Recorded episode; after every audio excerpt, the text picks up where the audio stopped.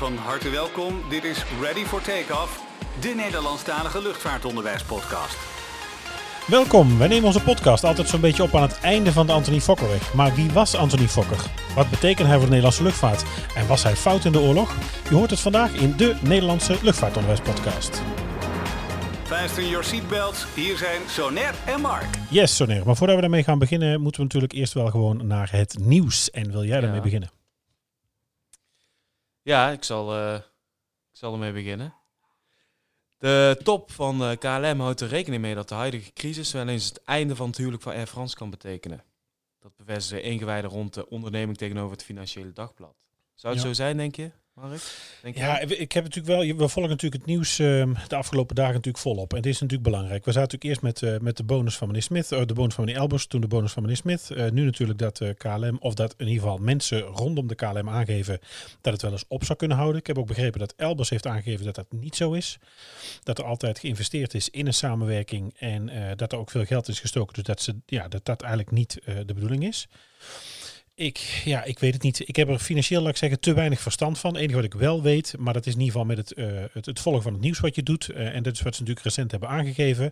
Als je zou zeggen, we stoppen totaal met de KLM. Nou, dat betekent dat voor 35 tot 38.000 mensen vrijwel direct hun baan.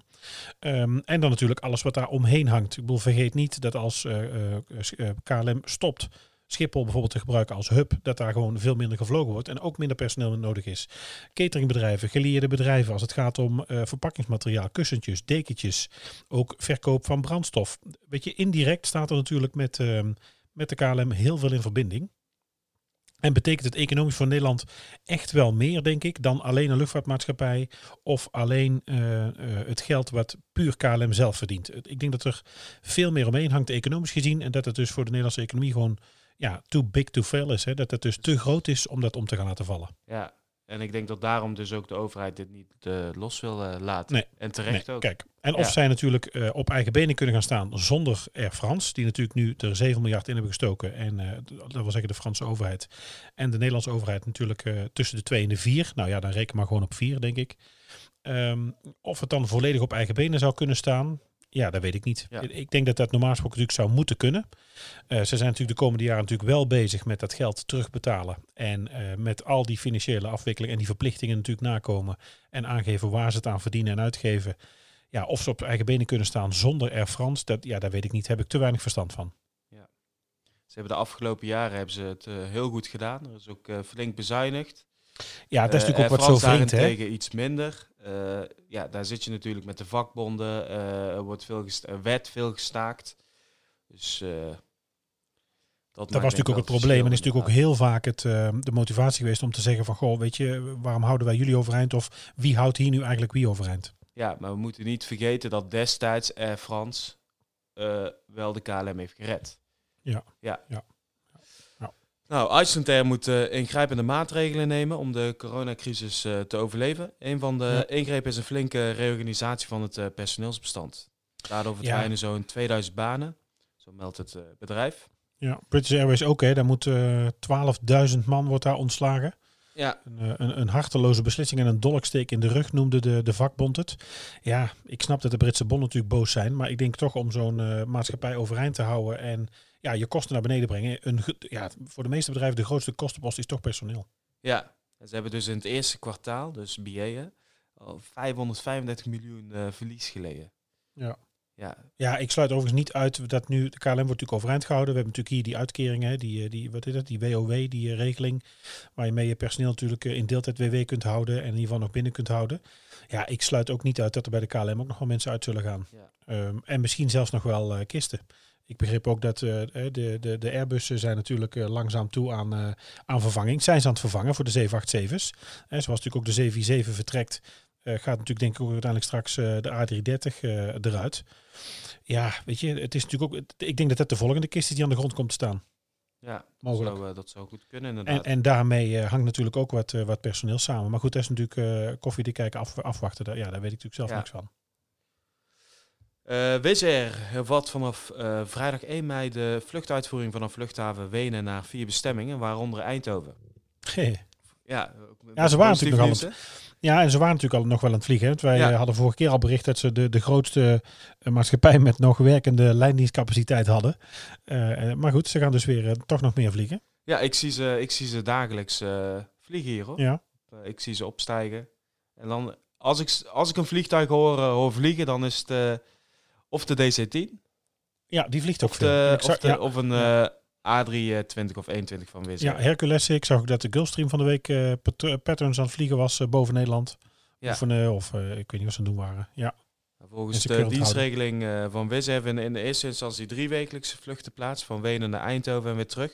En vanaf 18 mei staan er vier wekelijkse vluchten in de planning.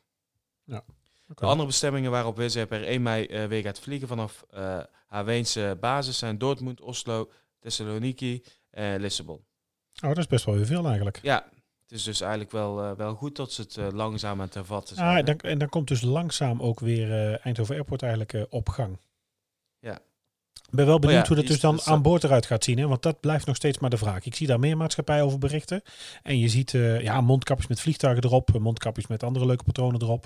Ehm, bepaalde kleding. eh, met name ook kleding die, die beschermt natuurlijk. Maar ook kappen. Zelfgemaakte kleding. Kleding met logo erop. Ehm, ja, ik, maar ik weet nog niet hoe dat het nou een vliegtuig gaat uitpakken. Ja, ik zag toevallig net een promotiefilmpje van eh Wizz Air voorbij komen over de getroffen maatregelen aan boord. Ja. Dat eh, de passagiers verplicht zijn om een mondkapje te gebruiken. Dat krijgen ze niet van de airline, dan moeten ze wel zelf gaan regelen. Er wordt extra schoonmaken ingezet. Eh, Temperaturen denk ik. bij binnenkomst krijgen ze nat van die eh desinfectiedoekjes uitgereikt. Ja. En als ze iets willen kopen, moeten zij contactloos betalen. Oké, nou ja, dat is op zich niet gek. Ja, je ziet ook echt duidelijk in het filmpje dat eh, een passagier het mondkapje afdoet. En vervolgens wordt aangesproken door, eh, door eh, een cabin attendant van Wizz Air. Ja. Dus daar zijn ze wel heel, eh, heel duidelijk mee eigenlijk. Ja, dat het dus, ja. Ja. Nou, weet je, eh, afstand houden. Wij zijn, ik moet zeggen dat ik nu ook al wel een beetje aan het nieuwe normaal begin te wennen. Met afstand in de supermarkt, contactloos betalen. Ja, dat deden we voornamelijk al. Dat deed ik al volop met mijn iPhone. Ja, nou ja, goed. Dat, Ja. Ik weet alleen niet hoe het zit in zo'n afgesloten cabine om daar twaalf uur lang te zitten. Mochten mensen gaan hoesten of niezen. Ja. Weet je, je kunt een kapje hebben of niet. Ik, ik weet het niet. Ik weet het niet. Maar goed, dat zal ook, een, ook dat zal een tijd blijven. ja. Eh, trouwens, ik zei net die, eh, die Airbussen, hè, maar ehm, eh, ik zag dat Boeing is, Boeing is weer begonnen. Heeft de productie van de 787 weer ehm, eh, opgepakt. Ja, daar zijn ze in Charlotte, hè, zijn ze weer begonnen met, met bouwen. Ehm, en wat ik wel nu las, is dat in ruil voor de overheidssteun... eh, eh, wordt Airbus eigenlijk door de Franse overheid verplicht om Airbus vliegtuigen af te blijven nemen. ja Air En dat is ook niet gek, want het gaat niet zo goed met Airbus momenteel. Ja, Dat is Ja, de, ik vind de vliegtuigbouwer een, eh, waar, de, waar de volgende klappen gaan vallen. ja. Het is eigenlijk wel een mooie deal, toch? Omdat, ja, Ja. eerlijk gezegd. Ja, maar goed, het is Ja, dus, ik- ze, hebben dus, ze zitten nu dus flink in de rode cijfers en ze Ja. komen dus ook in de problemen. Eerder was natuurlijk eh Boeing al in de problemen. Ja, nou komt de Airbus natuurlijk achteraan. En dan dus de afspraak van de Franse overheid dus om te zeggen, nou goed, je krijgt staatssteun, dat is prima. Maar je gaat dus ook wel investeren in een ander, Ja, voor een deel ik- Frans bedrijf. ja, ik vind het wel een slimme zet van de overheid. het, is, het is goed bedacht. Het is goed bedacht. Ook al ben ik Ja. meer een eh, Boeing-fan, maar, eh, If it ain't Boeing, I'm not going. maar de A350 is echt een prachtig toestel. Goed, er gaat lekker een reclamefilmpje weer nou begint. Ja, en blijkbaar heeft dus Air France op dit moment 94 eh, vliegtuigen in bestelling staan. Het zijn Bij dus Airbus. uitsluitend Airbussen. Het gaat dus om 34 A350 900 en 60 A220 300. 34 stuks. Ja, 34 Heftig. A350. Ja. Ja, daar heb je natuurlijk ook weer vliegers voor nodig. Op zich is dat natuurlijk goed. Wat zouden ze daar dan mee gaan vervangen? Of gaan ze er nieuwe mensen voor aannemen? Ik heb geen idee. A350. Heeft, eh, heeft Air France nog veel A340's, A330's? Ehm, A330 hebben ze nog wel vliegen en de A340 niet meer volgens mij. A340 is die laatste toen verongeluk bij Brazilië, denk ik, of niet? Of ze hadden Joon, of hoe heet dat? Die eh, airline van eh Ja, die, eh, die jongen, die jongen. Ja. Ja, de June, June, Joan. June, ja. die niet meer eh, die airline die niet meer bestaat. Ja. Die hadden ook een A340 en volgens mij vliegt Air France daar nog mee.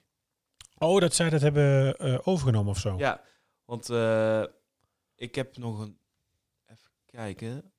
paar maanden terug heb ik nog zo'n eh, June vliegtuig, een A320 op Schiphol zien staan. Dus er wordt Ja. nog met die toestellen gevlogen. Ja, A320. Maar ik bedoel de A340, hè? Maar de A340, ik ga het even opzoeken hoor. Ja, ik zit ook al te zoeken ondertussen. Maar, maar hier staat ook dan, ja, geland Twente Airport, de laatste. uh, Rare Airbus A340, landing in Nice. Ja, June. Air France June Airlines. Ja.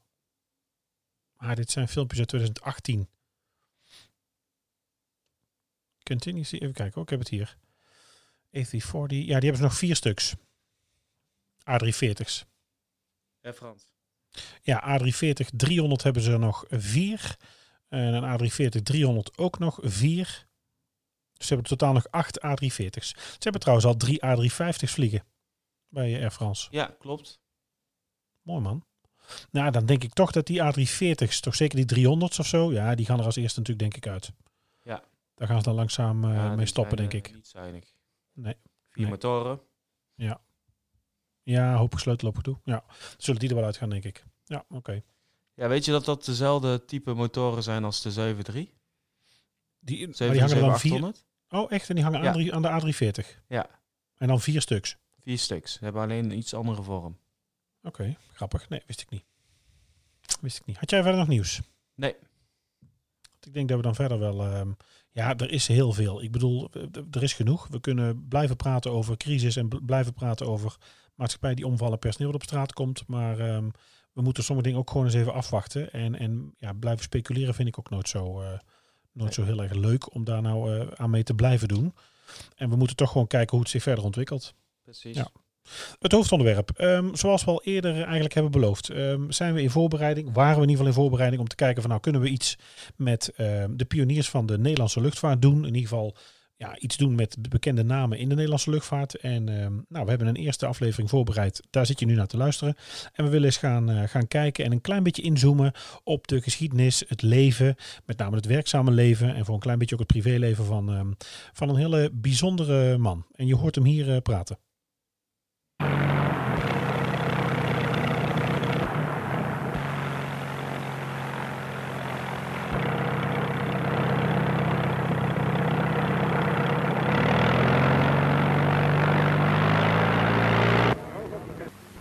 En nu sta ik weer voor de oude spin, die ik 25 jaar geleden gebouwd heb.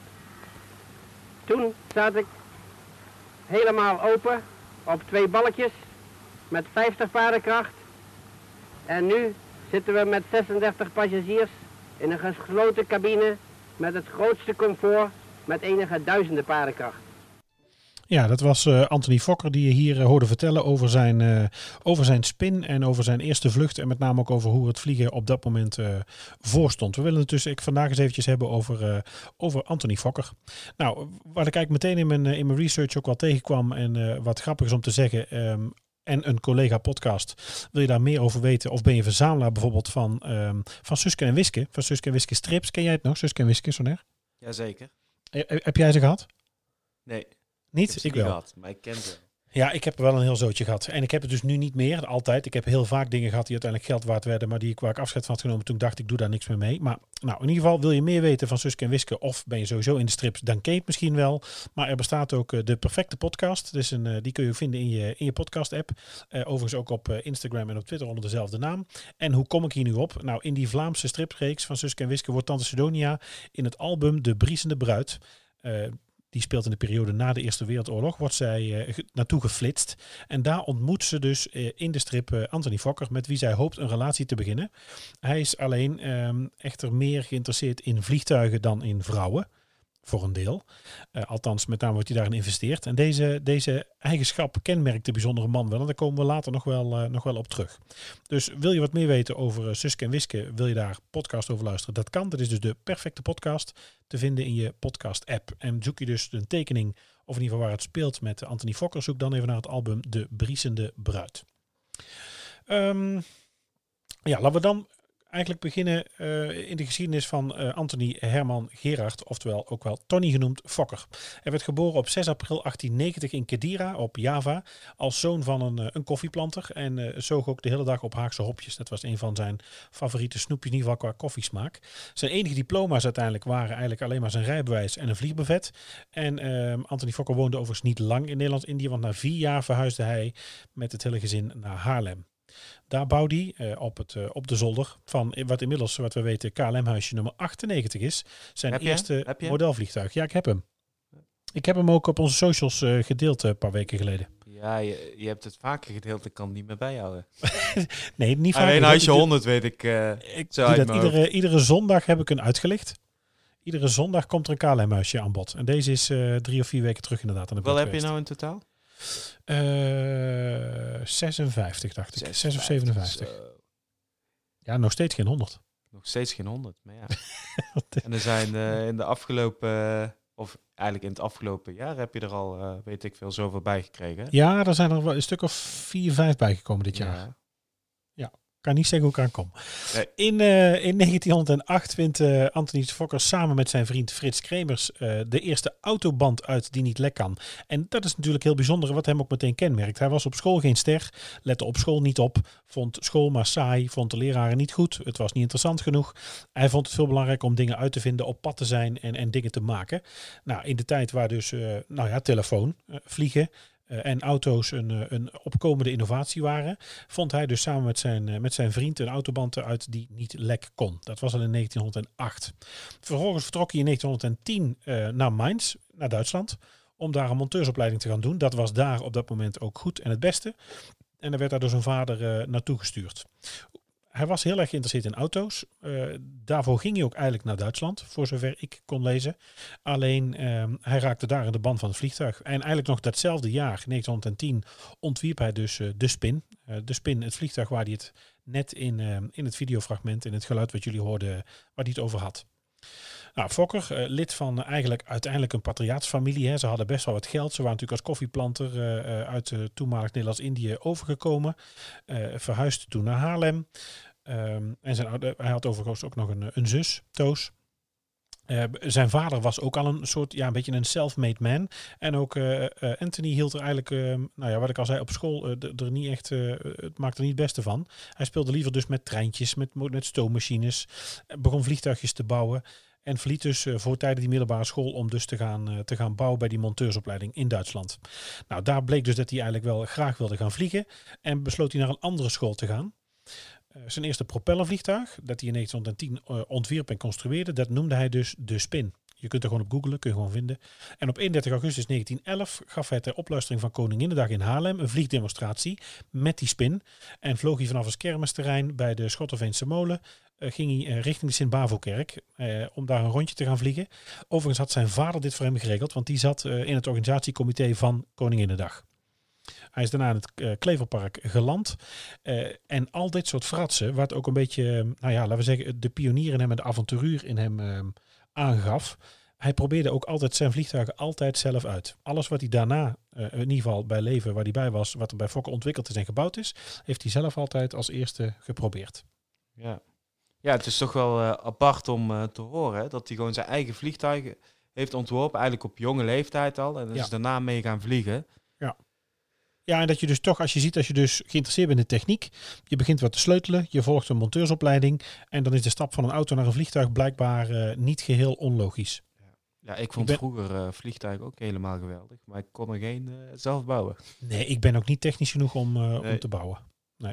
Inmiddels is het 1912. 1912 vertrok Fokker naar Johannisthal, het vliegveld in de buurt van Berlijn. En daar richtte hij zijn eerste bedrijf op, Fokker Aeroplanbouw. In de jaren daarop construeerde hij diverse andere typen van zijn vliegtuig. En het vliegtuig leverde, en dat werd natuurlijk een beetje, uh, dat is wat ik in intro zei, was die fout in de oorlog. En dat brengt ook een beetje, waar ik later nog op terug zal komen, dat hij in Nederland niet zo geliefd was. En uh, dat hij misschien niet tot de grootste Nederlanders uh, van ter alle tijden behoort. Heeft hij 700 gevechtsvliegtuigen geleverd aan het Duitse leger. Hij trok daar natuurlijk de aandacht door um, ja, met bevriende luchtvaartpioniers samen te gaan vliegen. Ja, en trok daar zelfs nog meer aandacht door als eerste van Duitsland met een vliegtuig, wat hij zelf gebouwd had, ook een looping te maken. 1913, ja. Zijn eerste looping.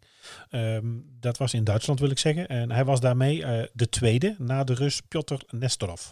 Ondanks voor de poging van Fokker om ook de vliegtuigen aan Nederland te verkopen, was Nederland alleen geïnteresseerd in Franse en Engelse toestellen destijds. Geallieerde toestellen eigenlijk, hè? Ja. Ja, Fokker heeft toen dus uh, definitief besloten om voor de Duitsers te blijven werken. Uh, die gaven hem overigens alle ruimte en waardeerden zijn werk. Bij het uitbreken van de Eerste Wereldoorlog wel te verstaan, hij werd de fabriek door de staat overgenomen en verplaatst naar Schwerin. Uh, hij bleef overigens wel zelf directeur. En toen kwam er een, um, een tweede innovatie, vrij belangrijk. En als je nu luistert en je zit een beetje in de gevechtsvliegtuigen of je hebt daar wat verstand van en je hebt dat hobbymatig wel eens gevolgd, dan zul je dat weten. Um, Fokker bezocht het front en bezorgde de Duitsers nagenoeg een oppermachtenpositie in de lucht dankzij een revolutionair synchronisatiesysteem van de hand van Fokker. Door dit systeem werd namelijk de mitrailleur op een ja, simpele propelleras gemonteerd met een borgpen, werd dus op een bepaalde manier geblokkeerd. Uh, zodra het, uh, het uh, propellerblad dan voor de loop kroop. en werd dus gebruik gemaakt van mitrailleur-synchronisatie. Dit zorgde ervoor dus dat bij verschillende toerentallen de propeller recht naar voren uh, kon blijven draaien. En je in het toestel recht naar voren kon blijven schieten. Dus je moet je voorstellen, je zat dan in zo'n toestel met voor je een mitrailleur. Uh, en dan begon je dus op uh, de tegenstander te schieten. Ja, normaal gesproken zou je dus je eigen propeller aan flarden schieten. Fokker vond dus een, een mitrailleur synchronisator uit. Die dus uh, voorkwam dat jij je eigen propeller eraf schoot. Maar dat de kogels dus precies eruit vlogen wanneer de propeller, dus de opening tussen de propellers voorbij kwam. Zo. Dat is niet niks hè. En tot die tijd hadden alleen de geallieerden, dus de vliegtuigen waar Nederland mee vloog, die we dus van Engelse en Franse fabrikanten afnamen, hadden dus, en misschien als je dat nu herkent, zo zul je het ook wel zien, die propellervliegtuigen van vroeger waar zo'n metalen plaat steeds op de voorkanten zit. Ja, dat was dus niet uh, om vliegen uh, af te vangen, dat is dus om kogels af te doen ketsen. Dus je zat dus met een mitrailleur achter die propeller. Je kon dan gewoon schieten. En om er te voorkomen dat je propeller, je houten propeller wel te verstaan, in die tijd aan flarden zou schieten, zat daar dus een, een metalen strip op. Daar was die voor. Maar dat hoefde dus bij Fokker-vliegtuigen hoefde dat niet. Um, overigens werd Fokker in die tijd ook uh, ongewild genaturaliseerd als Duitser. En mocht hij, zou, uh, mocht hij vluchten, had hij aangegeven dat hij weg zou gaan of weg zou willen, dan zou hij als militair naar de loopgraven gestuurd worden. Dus ze hebben hem eigenlijk een beetje onder dwang destijds in Duitsland gehouden. Oké, hij is er natuurlijk zelf naartoe vertrokken. Hij wilde daar zelf graag blijven. En die meer dan 700 vliegtuigen heeft hij zelf ook geleverd en mee gebouwd. Maar ze hebben hem ongewild Duitser gemaakt. Dat heeft in ieder geval um, de Duitse overheid ten tijde van de Eerste Wereldoorlog zelf gedaan. Um, zijn eerste bekende vliegtuig, wat hij, uh, wat hij maakte, was de, de Fokker Eindecker, een, uh, met die, die, die uh. En die techniek werd daarna nog toegepast op een, nou ja, ook een heel belangrijk vliegtuig. En dat zul jij waarschijnlijk als vliegtuiggeflipte ook wel herkennen, uh, Soner. De, de DR1, de draaidekker. En um, de D7, door de Duitsers uh, vroegen Anthony Fokker om dat dus grootschips aan te gaan pakken. Ja. Uh, die fabriek zal in Schwerin werden, dus daar werden duizenden arbeiders ingezet om die toestellen in elkaar te schroeven en te lijmen. Als je overigens gaat zoeken, dan kun je ook een documentaire vinden waar ze die vliegtuigen aan het maken zijn. En dan zie je dat er een kleine 1500 kilo aan um, zand op een vleugel geschept werd tot die zou breken. He, dus om de, de druk, te kon dus, zo'n vleugel kon dus een 1500 kilo aan druk uh, hebben. Maar uh, er komt zo meteen nog iets speciaals aan, want die DR1, weet jij wie die DR1 heeft gevlogen? Nee, vertel het eens. Ken jij de Red Baron? De Red Baron? Manfred von Richterhoven. Dat rode driedekker vliegtuig, wat in de, ja. in de oorlog zo uh, beroemd was omdat hij meer dan 80 kills had gemaakt. Heeft hij niet iets van een kruis of zo op de, op de Ja, zo'n zwart kruis, rood vliegtuig, ja, ja. witte stip, zwart kruis. Ja, Daar vloog, uh, uh, nou ja, toen Ace uit die tijd, een Duitse oorlogsvlieger Manfred von Richterhoven in, de rode baron, die rode baron. En dat was een, dat was een vriend van Anthony Fokker. En dat rode vliegtuig was dus ook een Fokker-toestel. Dus Sejan Detail is eigenlijk, als je dus kijkt naar de geschiedenis. Fokker heeft dus, uh, is in Nederland vliegtuigen nou ja, gaan ontwerpen, bedacht. Vervolgens naar Duitsland gegaan om te gaan produceren, daar te gaan maken. Uiteindelijk zijn ze natuurlijk tegen ons ingezet, zo zou je het kunnen zien. En later kwam hij, kwam hij terug. Daar komen we zo meteen nog op. Nou, Nederland mag dus die succesvolle Fokker, Anthony, uh, Anthony Fokker, dan niet met, uh, met open arm ontvangen. Het is dus inderdaad niet wederzijds. Uh, hij heeft dus, ja, vooral de, de, de, de beruchte Nederlandse regelzucht. Daar heeft Anthony Fokker die zaken eigenlijk het liefst onder tafel regeld in die tijd. En snel handje klap deed op een grasveldje naast het toestel. En elke vorm van, van autoriteit had hij een hekel aan. Dat bleek natuurlijk al op zijn school Ehm, en dat bleek natuurlijk ook al uit het, de manier van zaken doen. En dat hij dus niet zomaar uit Haarlem in het huwelijk met zijn Duitse teta kon trouwen. Die de Duitse nationaliteit had. Nou, dat, dat vond hij ook vijandige obstructie en niet fijn. Uh, Teta had hem overigens in 1923 weer verlaten, mede vanwege zijn vele buitenechtelijke affaires. Maar dat leek hem dus ook niks te doen. Dus hij was, hij was vrij zakelijk, koud en, en autoritair. Nou, vervolgens ging hij dus na natuurlijk weer genieten als zakenman. Ging op dat moment al veel op en neer tussen zijn vaste pleisterplaatsen New York en St. Moritz uh, skigebied natuurlijk in Zwitserland en New York natuurlijk een, een grote plaats in Amerika, waar die uh, toen al veel kwam. En daar is hij overigens ook uh, later nog geëindigd, maar daar gaan we het zo nog wel, nog wel even over hebben. Nou, het is waarschijnlijk aan de persoonlijke tussenkomst van prins Hendrik te danken dat Fokker um, toen alsnog Nederlander werd, een Nederlands paspoort kreeg. Maar daarmee werd de toon van zijn relatie met Nederland, ja, dat, dat, die was toen al gezet en dat kon eigenlijk niet meer goed komen. Steeds duidelijker werd dat Nederland eh, voor Fokker slechts een tussenstation was. Op weg eigenlijk voor die veel meer veelbelovende en inspirerende markt van de Verenigde Staten. Iets wat we eigenlijk heden ten dagen aan veel zakenlieden en veel mensen nog wel hebben. Hè? Het is nog wel, uh, Amerika trekt toch nog wel voor veel mensen. Hè? Ja.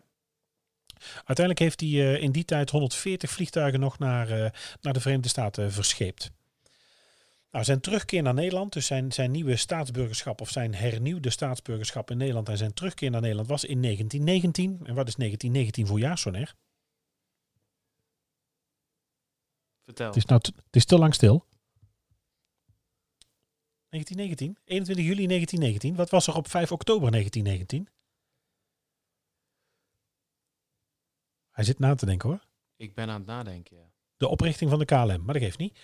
Dus in 1919 keerde Anthony Fokker uh, uh, terug naar Nederland en sloot zich aan bij de, bij de NV Trompenburg. Op ik had 7 oktober in mijn hoofd zitten. Ja, nou 5 of 7. Dat, daar ben ik dan even kwijt. Maar dus daarom was ik aan het nadenken. Oké, okay, ga verder. 1919 was vorig jaar 100 jaar geleden. En toen bestond er de KLM 100. We hebben een kleine special over gemaakt van een uur, Soner. Ja.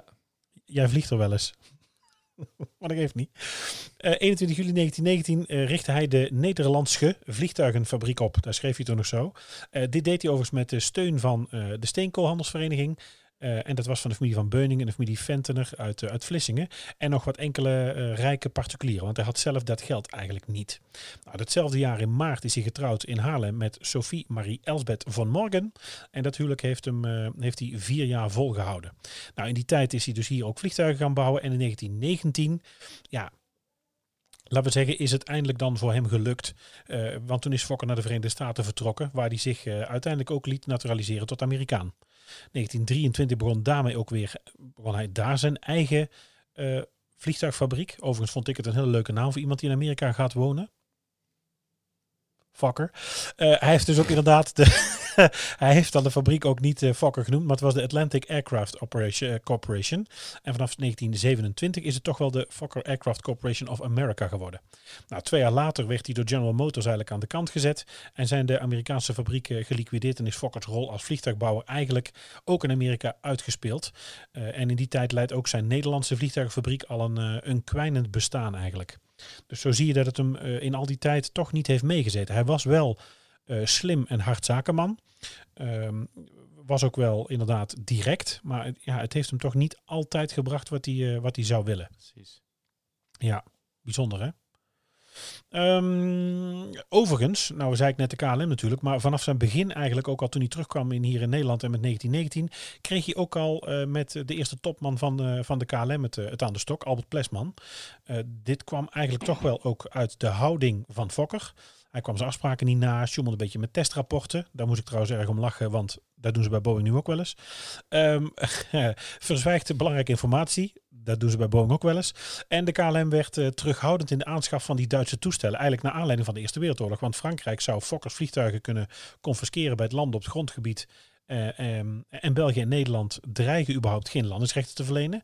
Nou, ook die samenwerking met het leger is dus van korte duur geweest. En het leger heeft uiteindelijk uh, uh, al snel genoeg vliegtuigen. En Fokker zit zonder orders. Uiteindelijk wordt dus de Fokkersfabriek gered door de orders van, um, van de, van de Sovjet-Unie. Die begonnen nog wel vliegtuigen te kopen. Maar hier in Nederland was het, uh, ja, was het niet zo handig. En die ruzie tussen de Fokker en de KLM-baas, ja, dat, dat, dat, was, dat liep niet goed uit.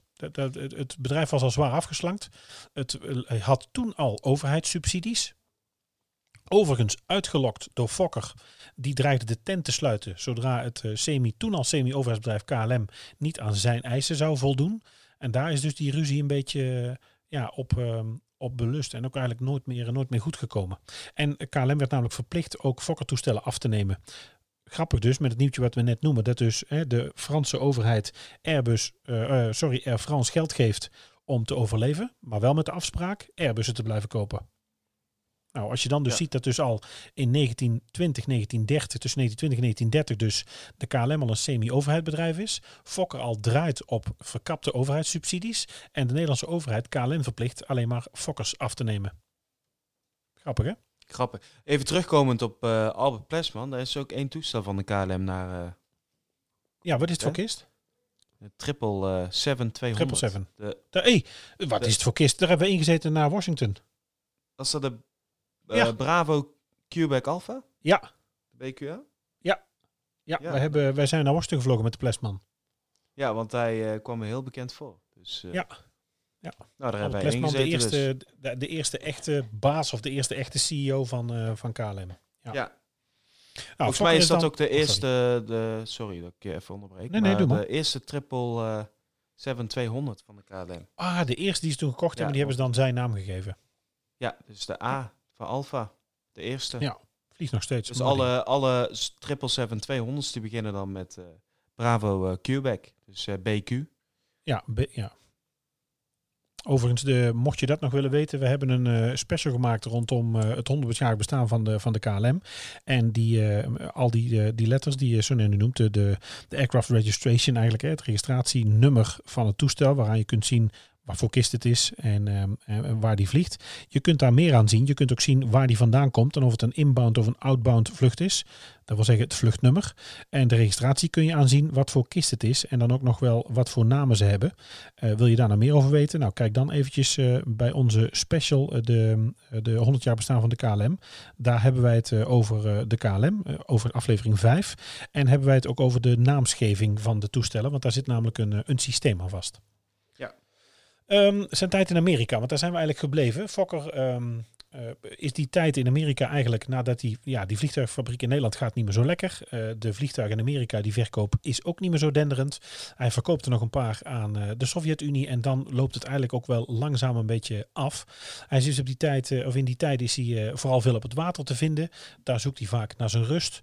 Ehm, omdat hij via handige manoeuvre de licentierechten van Amerikaanse vliegtuigen voor de Europese markt heeft weten te verwerven. Ja, vergaat hij eigenlijk in de herfst van zijn leven nog, eh, nog meer rijkdom dan ooit tevoren. Want dan schiet de verkoop nog omhoog. En in 1937 koopt hij dan een afgelegen huis aan een grote rots, stroomopwaarts eh, aan de Hudsonrivier in de buurt van, eh, van New York. Waar hij zich, ondanks zijn kwakkelende gezondheid dan al, vol overgave wijdt nog aan het bouwen van excentrieke en futuristische jachten. Dus hij is daarna ook nog schepen gaan bouwen. Althans, gaan ontwerpen, gaan tekenen. Nou, in 1927 trouwt hij nog in New York met Violet Ostman. Eh, en zij overleed overigens eh, na een sprong uit het raam van het appartement waar ze woonde. Zij heeft gewacht tot hij thuis was. Hij lag op bed te slapen. Zij is thuisgekomen, heeft het raam opengezet en is 15 verdiepingen naar beneden gesprongen. 1931 heeft hij zijn eh, autobiografie gepubliceerd en die was getiteld The Flying Dutchman. Heb ik overigens ook geraadpleegd om dit voor te bereiden. Kom ik zo nog op terug. Nou, Fokker was dus eh, opportunistisch genoeg eigenlijk om, eh, om altijd eh, de huik naar de wind te zetten. En is in, in 1914 dus ehm, van de Duitse militaire autoriteiten heeft hij het signaal gekregen dat hij met zijn buitenlandse... Zit je nou te gapen? Nee. Jawel. is niet interessant? Ja, niks. Sst, je zit te gapen. Het is Ramadan en zo'n hè? Ja. Het is lastig hè? Ik, ik krijg ineens een, ik, een dip. Een dip, sorry. Hoe ziet je... eh, ja, het is trouwens geen goed teken dat je nou zit te gapen. Want misschien zit nou iemand in de auto of thuis ook wat te gapen en naar mij zit te luisteren. Ja, dat kan ook. Nee, dat kan Nee. helemaal niet. Nee, dat kan het wel. Is, eh, het is Maar hoe ziet jouw dagen er nu uit dan? Mijn dagen. Nou, ik zit een beetje in het eh, late ritme. hè. We hebben meivakantie. Dus ik ben sowieso een avondmens, dus ik kan tot heel laat opblijven. Dus dat maak ik nu ook eh, eh, gebruik van. Met vliegen wel eens handig. Wat zeg je? Is met vliegen wel eens handig. Dat is met het vliegen zeker handig inderdaad. Dus daarom kan ik ook zo goed tegen... eh, of als ik dan op Amerika vlieg, eh, dus eh, richting het westen, kan ik heel goed tegen. Ik, kan, ik heb minder last van jetlags als ik naar, naar het westen vlieg. dan naar het oosten. Waarschijnlijk te maken met het feit dat ik dus een avondmens ben. Maar ik ga nu heel laat naar bed. Zo rond een uur of vier, vijf. En dan sta ik pas weer laat op. Ik denk zo rond 12, 1 uur. Durf bijna niet te zeggen. En eh, daarna, ja, eh, ja, ik ben druk bezig met mijn studie. Ik moet op 4 juni moet ik eh, mijn portfolio inleveren. Voor je PDG. Dus, ja. Je voor mijn- pedagogisch didactisch getuigschrift. Inderdaad. Als je het luistert, je weet niet wat het is. Wanneer is natuurlijk bij ons begonnen als, nou ja, vliegt natuurlijk nog als, als cabinet en staat voor de klas. En dan moet je binnen twee jaar moet je een, een aantekening halen, een bevoegdheid halen om les te mogen geven en te blijven geven. Hè? Ja. Dus is eh, mijn bevoegdheid om eh, te kunnen doseren. Ja, ja. En eh, daar ben ik nu druk mee bezig. Dus dat komt nu wel. dus de vakantie komt nu eigenlijk heel erg of heel goed uit. Ja, een beetje mee te Ja. maken. Ja. Maar goed, Ramadan is natuurlijk wel lastig erbij nu. Met overdag Ja. natuurlijk niet eten. Ja, je bent toch, je bent toch de hele dag thuis. Dus, Ja. dus het is even wennen natuurlijk. Maar nou, juist met wat dingen bezig zijn biedt natuurlijk ook afleiding. precies. En zeker, zeker nu met mijn studie inderdaad. De tijd is echt zo voorbij. Ja. Ik ben eh, zo geconcentreerd bezig. Dus eh, ja, ik vind het eigenlijk wel lekker om nu bezig met mijn studie te zijn. Ja, dat is eigenlijk raar, hè? In een vakantie wil je juist gaan relaxen, een beetje bijkomen. Maar voor Nou, mij... we- eh, we- maar het is natuurlijk ook, ik vind ook nu wel, ja, vakantie en werk, dat zit nou ook een beetje, ja, loopt Ja. een beetje door elkaar nu. precies. Ja, het is geen vakantie, want we zijn volop aan het werk. Ik heb genoeg te doen, maar je bent toch thuis. Je bent minder op pad. Ja, ik had ook het liefst eh, ergens in eh, LA of zo willen zitten. Maar ja. Ja, nee, dat willen we allemaal wel. Nou, trouwens nu niet misschien, maar ja. Natuurlijk allemaal Ja. wel. Eh, ik ga nog even verder. Ga verder. Dus hou vol. Eh, ik was gebleven. Ehm, we hadden het. ehm, eh, waar was ik gebleven? Ik heb, het, ik heb verteld over dat, hij, dat Fokker zo opportunistisch was. Hè. En als we dan kijken dat hij dus 1914 eigenlijk al ehm, eh, met, dat Duitse, met dat buitenlandse kapitaal in Duitsland vliegtuigen bouwt. Dat vond Duitsland al niet fijn. Vervolgens hebben ze hem daar genaturaliseerd. Dat vond hij zelf niet prettig. De andere mensen hebben nog gel- geld in zijn bedrijf geïnvesteerd. In 1918 is hij dan door de Duitse, voor de Duitse nationaliteit, ja, zien ze hem als ballast. Hè. Hij was natuurlijk, als, sowieso kon je natuurlijk in die tijd als Duits staatsburger niet zomaar de grens over. Je moest eh, in je paspoort een speciale eh, stempel hebben, een, een Ausreisegenehmigung, omdat je dus, eh, als, je, als je weg zou mogen. Ehm, oorlog, revolutie in Duitsland. Op een gegeven moment kwam natuurlijk die nationaliteit in de weg. Hij wilde terug naar Nederland. Daar was natuurlijk de Nederlandse consul. Die zegt, ja, weet je, ehm, ik moet wel kijken of je Nederlander bent, want hij was toen zijn paspoort kwijt. En, en hoezo kun je Nederlander worden? Dat weten we niet. Eh, dat moest hij afwachten. Vervolgens toch weer naar Nederland. En uiteindelijk wil hij naar Amerika. En hebben ze hem natuurlijk in Nederland, hebben ze, heeft Prins Hendrik hem waarschijnlijk eh, via het kabinet een paspoort gegeven. Ehm, en vervolgens wil hij naar Amerika. En daar krijgt hij eigenlijk hetzelfde te horen. En krijgt hij ook weer gedoe met, eh, met de immigration. Om dus daar weer Amerikaan dan te worden.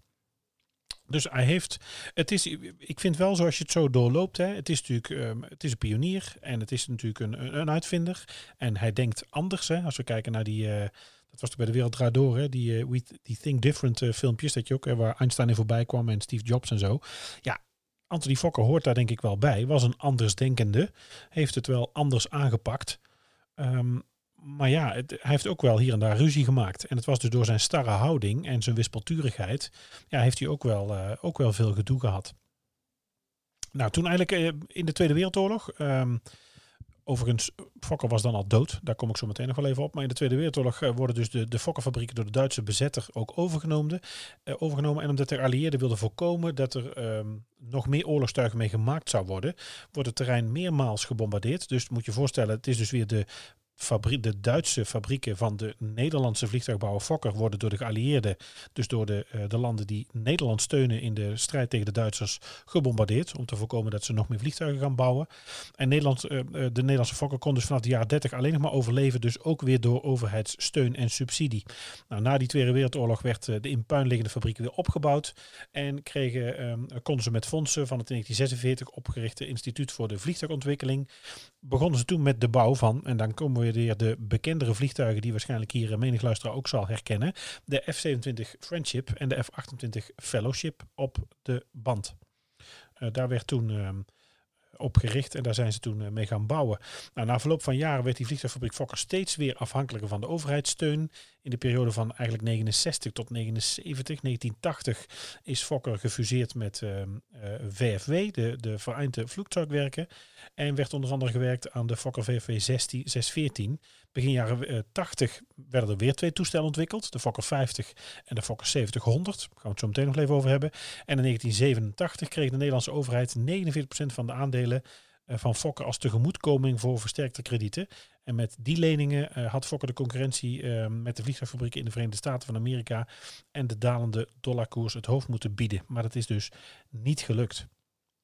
Want uiteindelijk in 1993 verkocht de Nederlandse overheid haar aandeel DASA, de lucht- en ruimtevaartdochter van Daimler-Benz, en uh, had hiermee 51% van Fokker weggedaan. En ook in de jaren hierna bleef de Fokker Holding eigenlijk uh, verlies leiden. Nou, dit is dus allemaal gebeurd na het overlijden van, van Fokker. En als je dus gaat kijken. We hebben diverse um, hoe heet het, documentaires gekeken, boeken gelezen, online artikelen opgezocht. En dan zijn er van zijn dood nou ja, ongeveer twee versies. Anderhalve twee versies. De eerste versie is dat Fokker overleed in 1939 op zijn 49-jarige leeftijd als gevolg van een complicatie na operaties aan zijn neusbijholte. Um, zijn as is uh, uiteindelijk overigens bijgezet op de begraafplaats van Westerveld uh, in Driehuis. Daar kun je nog steeds naartoe. En er is een verhaal dat hij in de winter van 1938-1939 um, dat hij nog een, een nieuwe liefde uh, opdeed. Zijn secretaresse Jojo. En dat hij daar dus niet lang mee samen was, omdat hij in 1939 overlijdt in het Murray Hospital van New York aan de gevolgen van hersenvliesontsteking. Nou ben ik geen dokter, maar als je natuurlijk je bijholte of iets in je neus en je hersenvlies, volgens mij zou dat met elkaar um, in verbinding kunnen staan en zouden problemen dus tot een, ja, een combinatie van factoren hebben geleid waardoor uh, Fokker overleed. En die ja. heeft dus die laatste, die, ja, die laatste ontwikkeling eigenlijk tussen 1940 en 1980 heeft hij dus, um, nou ja, tussen haakjes gelukkig, heeft in ieder geval niet meegemaakt. Overigens, 1996 uh, was natuurlijk bijzonder. Um, en we hebben al aangegeven dat dus uh, Fokker al heeft overleefd met Duits geld. Hij heeft al overleefd met Nederlandse staatssteun. En eigenlijk heeft Fokker, uh, ruim na het overleden van, van zijn oprichter en naamgever, tussen 1996 en 2018, en laten we zeggen tot 2020, ook steeds wel aan overheidssteun de boel overeind gehouden. Want na een F-27 en een F-28 kocht de Nederlandse staat ook de Fokker 70, die nu inmiddels vervangen is, hè, de PHKBX. Uh, de letters die dus ontstaan door koningin Beatrix, vandaar de KBX. Geregistreerd in augustus 95 uh, hebben zij die gekocht van Fokker en die maakte de eerste vlucht op 13 september van dat jaar. Nou, dat is ook weer een, een belangrijke, uh, nou ja, laten we zeggen, aankoop voor de Nederlandse industrie, want de PBX was voorzien van een VIP-interieur. Dat is hier in Nederland ook gebeurd. Het toestel werd in 12, op 12 maart 96 overgedragen aan de Nederlandse regering. had twee Rolls-Royce motoren eronder hangen. Uh, er zat een VIP-room in, een stafkamer, een dienstruimte. Er was een klein kamertje voor communicatiemiddelen met fax en, en satelliettelefoon. En na de renovatie in 2010 uh, hadden ze er ook pas internet en, uh, en e-mail. En we weten natuurlijk nu dat ehm, deze Fokker 70 natuurlijk is vervangen door, door een 73. Ja. Inmiddels. Wat was de registratie ook weer? Wat zeg je? De registratie van de 73. PHGOV. Ja, 737-700. Met 800 motoren. 800 motoren. Ja. ja. en de GOV staat natuurlijk, is natuurlijk een mooie afkorting voor Government, oftewel de Papa Hotel Golf Oscar Victor. Ja. Um, het regeringsvliegtuig uh, stond toen ook al op, uh, op Schiphol Oost, hangar, uh, hangar 73. Daar staat nu de PHGOV ook. Werd toen door Martinair onderhouden. en vanaf 2006 is het overgenomen door KLM Cityhopper, die overigens daarna ook veelvuldig met die Fokker 70 is gaan vliegen. Was ja. eigenlijk het verschil tussen de 70 en de 100 tussen, hè? Uh, het is eigenlijk de, de, de lengte van het vliegtuig. Op de 70 kunnen er, even kijken, 80 passagiers. En op ja. de 100 kunnen er uh, 122 passagiers. Als je dus één oh, klasse hebt, hè. Oh, Met twee klassen zit je op 97 passagiers. Dus als je ja. business class en economy class hebt. 122 is best veel voor een uh, klein toestel, hè. Okay. Wat ook wel handig is aan een, aan een Fokker, is dat hij dus zijn eigen trap heeft. Ja, wat, wat, sommige, wat we hadden we het vorige week ook al over, hè, wat die 737's van, um, van Ryan ook hebben. Ja, inderdaad. Ja, dus je bent self-supporting. Waar je dus land kun je dus gewoon zelf uh, in en uitstappen.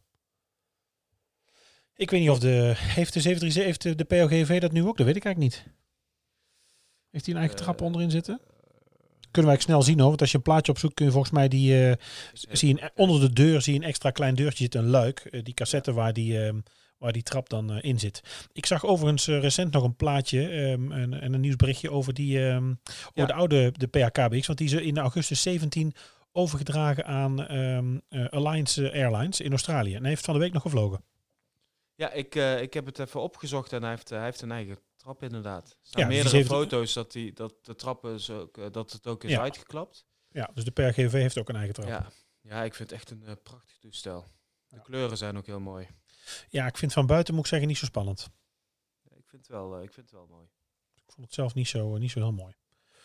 Ze hadden wel iets Ehm, meer oranje mogen gebruiken. Ja, inderdaad. Dat zit er dus te weinig in. Dat vind ik ook. Ja. Maar ja, oké. Dan het laatste stuk eigenlijk eh, van Fokker. En dan wil ik het nog eventjes hebben over het feit eh, nou, hoe een grote Nederlander hij eigenlijk is.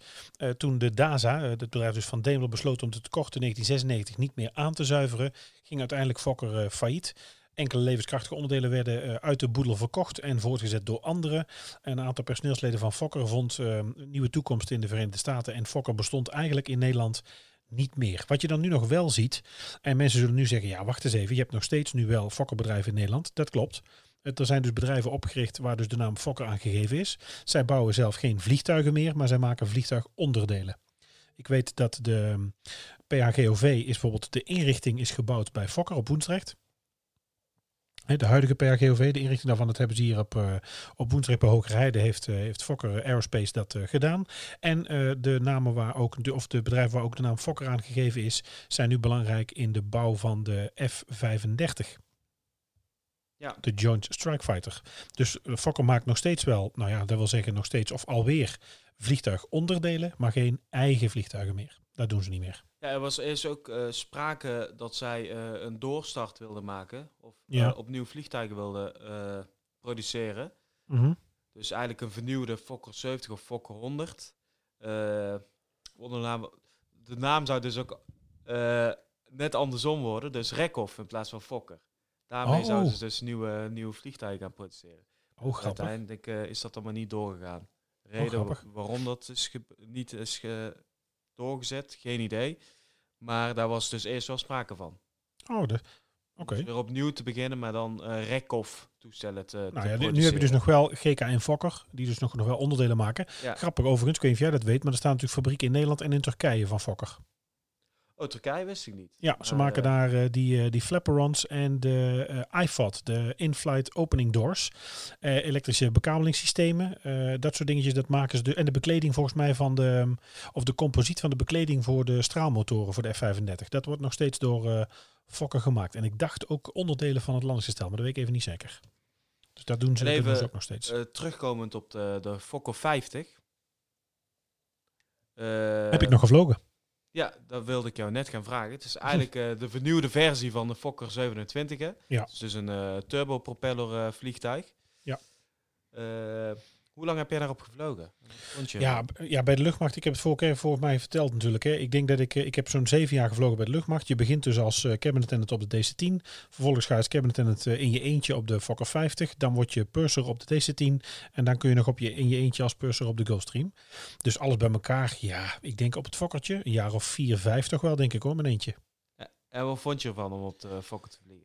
Ja, ik vond het eh, qua, eh, laten we zeggen, de operatie is natuurlijk eh, maximaal met, met een volle tank een uurtje of vier, vijf. Hè. We konden naar, naar Tbilisi, achter de Zwarte Zee. En dan was hij echt wel bijna leeg. Dus je, dus je hebt een beperkte vliegtijd. Je hebt, eh, we hadden in ons geval hadden wij ook, toevallig Fokker 50, hadden we ook 50 passagiers bij ons. We hadden vier mensen achter in het VIP-gedeelte zitten. Eh, eh, hij was voor de luchtmacht verbouwd, want in de originele Fokker 50 zat de galley, de keuken, zat eigenlijk achterin. Bij de luchtmacht hebben ze die keuken naar voren gehaald, meteen achter de cockpit. En is er achterin de kist een, een VIP-room gebouwd. Met daar vier grote draaibare lederen stoelen. Met daar twee tafels in het midden tussen die je kon opklappen. Ehm, ik, de operatie vond ik leuk qua duur. Ik vond het leuk om te vreubelen in het keukentje met de containers. En je moest er echt, ik moest trolleys uit de stowage halen, voor de deur zetten op de rem. Met daar planken op om afzetruimte te hebben, om borden te kunnen maken. Want als je dus voor 20 man een diner moest, eh, moest maken of je moest voorgerechten opmaken, had je die ruimte echt wel nodig. Want dan was het echt, ja, kamperen. Eh, ik moet zeggen, het gezwabber achterin van het vliegtuig, dat mis ik niet. Ik vond het, het was niet comfortabel. Het was een, volgens mij een heel fijn vliegtuig om te vliegen. Het was voor de vliegers een heel leuk vliegtuig om mee te vliegen. Ik vond het vond voor de operatie kort overal naartoe. Met natuurlijk de deur die je open doet waar een trap aan vast zit. Je bent overal heel snel weg en heel snel heb je alles geregeld. Ik vond het heel leuk om rond dat ding te springen, water bij te vullen, achter de cargo deur eh, open te maken, daar spullen in te doen. En zelf de deur dicht te doen. En eh, weet je, allemaal operationeel heel erg leuk. Ja, het, het, de lage hoogtes. En ik moet wel zeggen, wij zaten natuurlijk, ik zat samen met een, eh, met een TD'er, iemand van de technische dienst die meestal mee was, zaten wij voor op de twee voorste stoelen. Meteen, dus je had de cockpit, eh, dan had je het gangetje.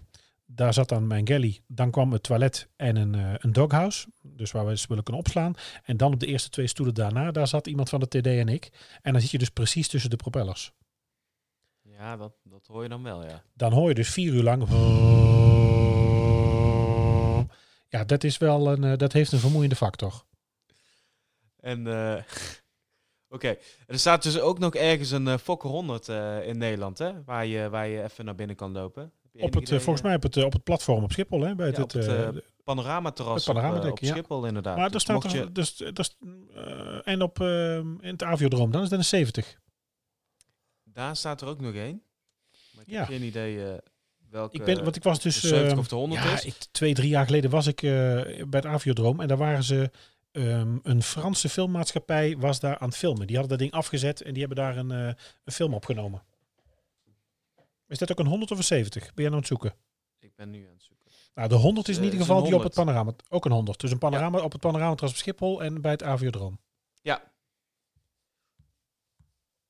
Nou, bij het aviodroom Eindhoven staat volgens mij ook binnen toch? Een Fokker, Wat zeg je? Is dat een Fokker 27, wat eh, in Eindhoven Waar? staat? Eindhoven, bij de vliegbaas Eindhoven de deur. Ja. Daar staat een F-27 buiten Ja, voor daar de hebben deur. we in de vorige aflevering ook over gehad. Een friendship. Ja. Ja. Ja, hij lijkt gewoon sprekend op de Fokker 50. Ja, ja, ja, zeker. Het is alleen dat de F-27's hadden bij de luchtmacht natuurlijk... eh, Je had natuurlijk die, dat waren die friendships en je had die, troep, die troepships, die helemaal die groene. Ehm, en je, die hadden natuurlijk ook een laaddeur waar een F-16 in kon. Aan de voorkant kon een grote deur open. Ja. En daar stonden volgens mij ook nog containers los en zo gestrapt. En dat zag er van binnen ook nog niet zo, eh, nog niet zo denderend uit. Toen werd er eigenlijk VIP-vervoer gedaan met, eh, met troopship vliegtuigen. Ik heb nog wel eens een rondvluchtje gemaakt hoor. Met die, ehm, is een heel grappig rondvlucht gemaakt met de Fokker 50. Toen ik, eh, was ik kok op de vliegbaas Schilzerijen. Hadden we een familiedag en dan kon je inschrijven. Dan kon je met je familie en zelf kon je rondje boven Nederland vliegen. Met de Fokker, eh, nou F27 dan dus in dit geval denk ik. En dan was er iemand van de TD ook ehm, eh, destijds. En een loodmaster was er dan mee. Die zat dan op een paar containers en een klapstoel bij die grote laaddeur. En later heb ik daar dus zelf als purser, of was het nou, purser, daar ben je al snel als je alleen bent, maar op, als cabin attendant op, opgevlogen. Ja. Ja, en de, Ja. En de, de Fokker 70 en de 100, die hadden destijds ook een vrij moderne eh, cockpit vergeleken met eh, de andere type Ja. toestellen. Ja. Ja, dus dat was eh, goed gedaan. En ook, en ook netjes afgewerkt. Eh, ik heb ook wel begrepen in eh, wat documentaires die ik heb gekeken, dat vooral, dat, eh, op een gegeven moment hoor je dat een oud werknemer hoor je dat zeggen. Het probleem wat Fokker eigenlijk had, is dat zij hoogwaardige vliegtuigen hadden. Dat ze ook eigenlijk vrij dure vliegtuigen hadden. Als je het vergelijkt met andere concurrenten die er op dat moment op de markt waren. Maar het feit dat Fokker perfectionistisch was, dure materialen gebruikte, dat alles er goed uitzag, is misschien ook wel onderdeel geweest van, ehm, ja, van hun ondergang eigenlijk. Dat heeft ze waarschijnlijk ook de kop gekost. Ja, er jammer. wordt nog heel veel met eh Fokker toestellen gevlogen in eh, Afrika. Ja, ik weet volgens mij Zelfs Denim. met de Fokker 50's. Denim heeft heel lang met Fokkers gevlogen. Ook nog met oude kisten volgens mij van, eh, uit Nederland. Ja, en zelfs nog met de Fokker 100, zo uit mijn hoofd. Ja, nou ja, goed. En dan dus de, de KBX vliegt dus nu nog bij Air Alliances in, in Australië. Van de week nog gevlogen. Ja, Grappig. ja ik vind En- echt ik vind het een heel mooi toestel. Ehm, er is toch laatst, in, 70. was dat in de Oekraïne, is er toch nog één neergestort die daar die, die startbaan afschoot. Dat was ook een Fokker 100. Ja, was ook een Fokker Ja. inderdaad. Ehm, ja, eigenlijk richting afsluiting. We hebben het nu, eh, ehm, nou ja, kort, een kleine 50 minuutjes, kleine 40 minuutjes denk ik over, eh, over Anthony Fokker gehad. Eh, de oprichting van zijn bedrijf, zijn overstap naar Duitsland, zijn terugkomst naar Nederland, zijn overstap naar Amerika. Een tijdje geleden, 2004, is er een verkiezing geweest voor ehm, de grootste Nederlander. Ja, ja, je kunt ervan vinden wat je wil. Misschien is het een beetje een, flauw inbel- en stem-tv-wedstrijdje. Eh, uiteindelijk zijn daar eh, tien kandidaten van overgebleven die in de top 10 zitten van, ehm, ja, van de grootste Nederlander. Dat, het geeft ook aan wat, eh, laten we zeggen, wat het niveau was van de wedstrijd. Op één staat Pim Fortuyn. Ja, dat speelde toen in 2004 natuurlijk. Op twee Willem van Oranje, op drie Willem Drees, op vier Anthony van Leeuwenhoek, op vier Desiderius Erasmus, op zes Johan Cruijff, op zeven Michiel de Ruiter, op acht Anne Frank, negen Rembrandt van Rijn en op tien Vincent van Gogh. Nou, dan ben ik het met een groot deel van die lijst gevoelsmatig zelf wel eens. Uh, alleen kwam Fokker dus in dit geval uh, zelf op, uh, op plaats 33 terecht. Wat dus eigenlijk een beetje, nou ja, richting de conclusie aangeeft hoe het met zijn populariteit stond in Nederland. Nou, ondanks is dus, zo zie je dus dat Fokker eigenlijk ondanks al zijn miljoenen uh, best wel een eenzame man bleef. Vriendinnen en echtgenoten hielden het nooit lang met hem uit. Waar ik ook al mee begon is dat uh, hij vond vliegtuigen toch vaak interessanter dan, uh, dan zijn vrouwen. Of in ieder geval daar interesse in tonen. Praten kon hij ook vaak alleen maar over vliegtuigen. Hij werkte dag en nacht. Wat je natuurlijk veel ziet bij grote CEO's en belangrijke bedrijven. Hij, hij verwaarloosde zichzelf ook lichamelijk. Werd uiteindelijk een beetje een slonzige, kalende dikzak. ik zie ineens mezelf zitten. En uh, hij legde zelfs de kleinste afstandjes in Amerika af met zijn, uh, met zijn mooie 16-cilinder Cadillac die hij belangrijk vond. Vriendschap had hij eigenlijk alleen maar met, uh, met honden en niet zozeer met mensen. En hij overleed uiteindelijk dus aan die uit de hand gelopen, nou ja, neusinfectie, hersenvliesontsteking. Ik weet het niet precies, maar dat is dus een beetje... Nou ja, ik wil zo niet eindigen, want dat is een beetje, dat doet, niet, dat doet geen recht aan zijn uitvindingen. Um, want ja, ik denk dat we veel aan van de luchtvaart hier in Nederland en uh, van het vliegen aan zich toch wel te danken hebben aan, uh, aan Fokker. Ja, zeker. Nou, voordat we eindigen, uh, hoop ik dat je het in ieder geval leuk vond. En, en laat dat ook in ieder geval wel, wel weten. We zijn in ieder geval van plan om nog meer specials op te nemen rondom ja, pioniers in de Nederlandse luchtvaart.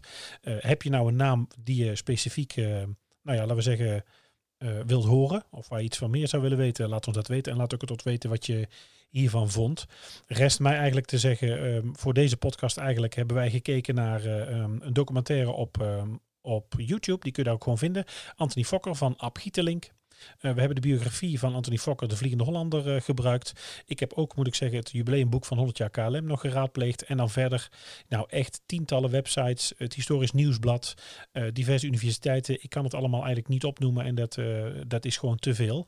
Mochten we iets of iemand vergeten zijn, of mocht iemand zeggen van nou ik heb een aanvulling of je hebt iets niet goed verteld, laat dat zeker weten, want dat vinden we belangrijk. En um, nou ja, meer heb ik nu even niet meer te melden, denk ik. Nee, ik ook niet. Nee, nou wil ik in ieder geval dus uh, afsluiten met, uh, heb je nu uh, ideeën, wil je ons laten weten wat je van vond, reageren mag altijd op readyfortakeoff.summercollege.nl, ready for takeoff pod op Instagram of op Twitter zijn we at take underscore ready. Reten mag ook en we zien je volgende week. Volgende week. Dit was Ready for Takeoff. Denk aan je persoonlijke bezittingen, volg ons op onze socials, vergeet je niet te abonneren.